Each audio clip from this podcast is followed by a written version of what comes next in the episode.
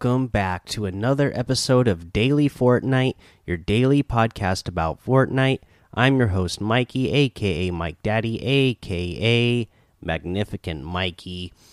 So, today, uh, just beware that uh, one of the challenges for overtime challenges, visit bus stops challenges, not working correctly, uh, is what they said on Twitter, is what Fortnite said on Twitter, and hopefully they'll get a fix for that soon if it's not working for you.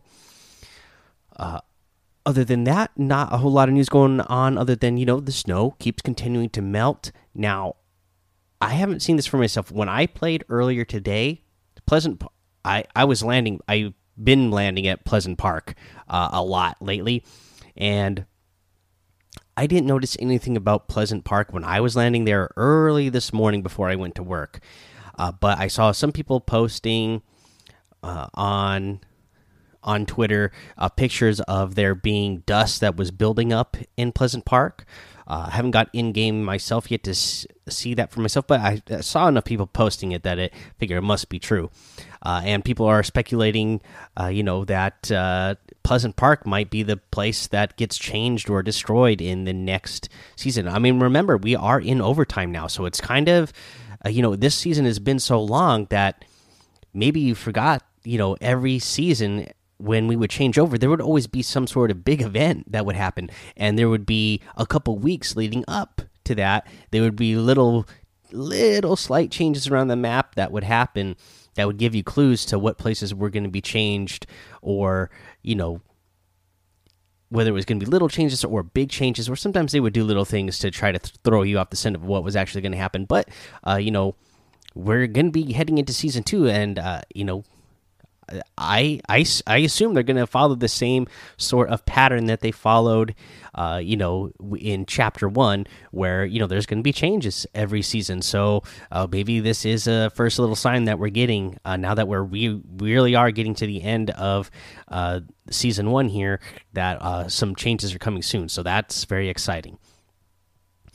Uh, let's see here. The only the other thing I really want to mention. So, you know, I talked about that the fashion show that was hosted uh, by Mudcats and then uh, with a Bang and his partner Eddie uh, were the judges of. Uh, I went ahead. I didn't get to be there live, but I watched it this morning as well while I was playing. I watched that before I went to work, and you know what? It looked like a great time.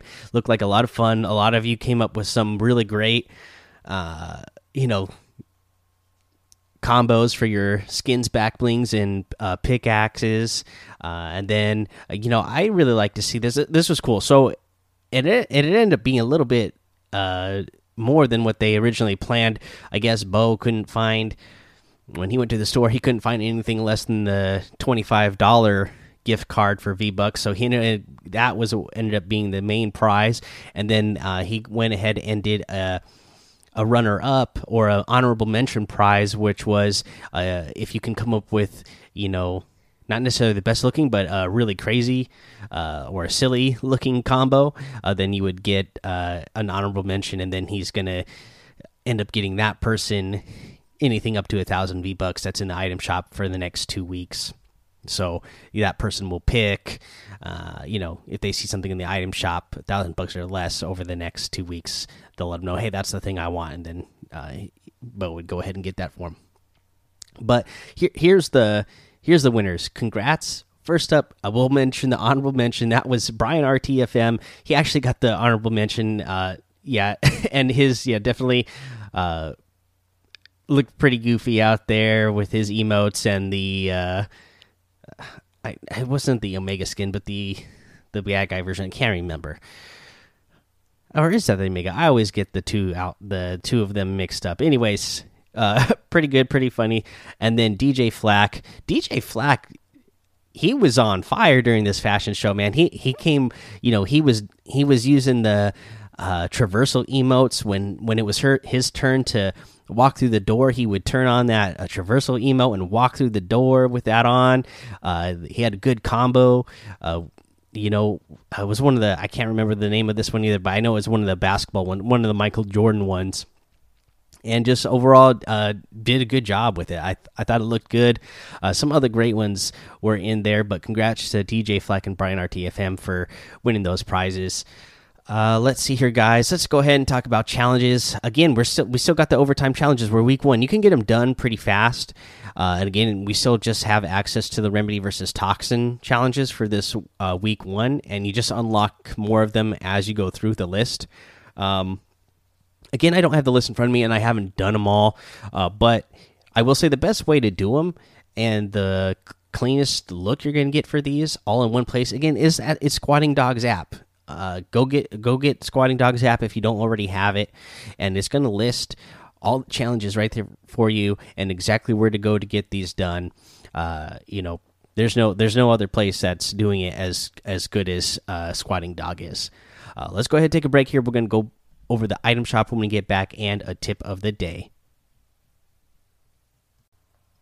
All right, let's go over this item shop. And oh my goodness, what a what a good one today. I'll tell you what. So, we got a new item, the monk's outfit. Send in the monkey, part of the Sockum set. This is new. Comes with the peel pack back bling, a snack for the road. All right, so this is a sock monkey outfit. If you didn't know, uh, sock monkey outfit has already been in Save the World, and now we have a sock monkey outfit here in Battle Royale pretty awesome. I gotta say, I love it. The peel pack back bling is a big, you know, sock banana. I don't know how Peely feels about this, seeing that, uh, you know, there's this character in the game that's just gonna go ahead and eat him for a snack. I maybe he's used to it because I guess Jonesy goes ahead and just has him for a smoothie anyway. Uh, but I don't know. It seems like everybody's out just to, you know, have Peely for a snack. They just treat him treat him like a snack, I guess. We also have the brat outfit back in here. Uh, speaking of uh, food, uh, that one uh, comes with that loose links contrail. Uh, let's see here. We have one of my absolute favorites. I might go ahead and get it this time. I'm about, I'm about to get a big reward from my Save the World next week, and I happen to have enough V Bucks for this one right now. The Raven outfit. I've been wanting this ever since it was originally released, so I might go ahead and get this one finally. Uh, and let's see here. You get the Ravage outfit in here as well, the Iron Beak harvesting tool, and the Feathered Flyer glider. Uh, let's see here. You got the Dream Flower outfit, the Payback outfit, which is a really cool outfit, by the way. This is another one that I like a lot. Um, the Jubilation Jubilation emote, the Star Wand harvesting tool, the Rock Out emote, and the Pirouette emote. The Polar Legends pack, the Darkfire bundle, and the Wavebreaker starter pack are still in here. Now, I heard, so we're probably getting a little update next week. Uh, and I heard the Wavebreaker starter starter pack is going to be going away probably the same time, early next week when we get that next update in the next couple of days. So if that's something you haven't gotten yet and you've been wanting it, uh, you know those starter packs are so good because they come with that extra, extra um, V bucks as well. You know you get you get those items plus the V bucks. It's it's always kind of nice to get those. I always get the star packs whenever they come out. Uh, but if you do get any of these, you can use code Mike Daddy M M M I K E D A D D Y in the item shop, and it will help support the show. Hashtag sponsor. All right, guys. Now here's our tip, or I guess I should say trick of the day. So here's uh, I saw this on Reddit. Let me go back and see where this was posted from. This was posted by uh, Hey It's Yonder on on Reddit on the Fortnite BR uh, subreddit. So now this is for landing and uh, gliding through windows. If you guys haven't seen this, it's a pretty cool trick. I never.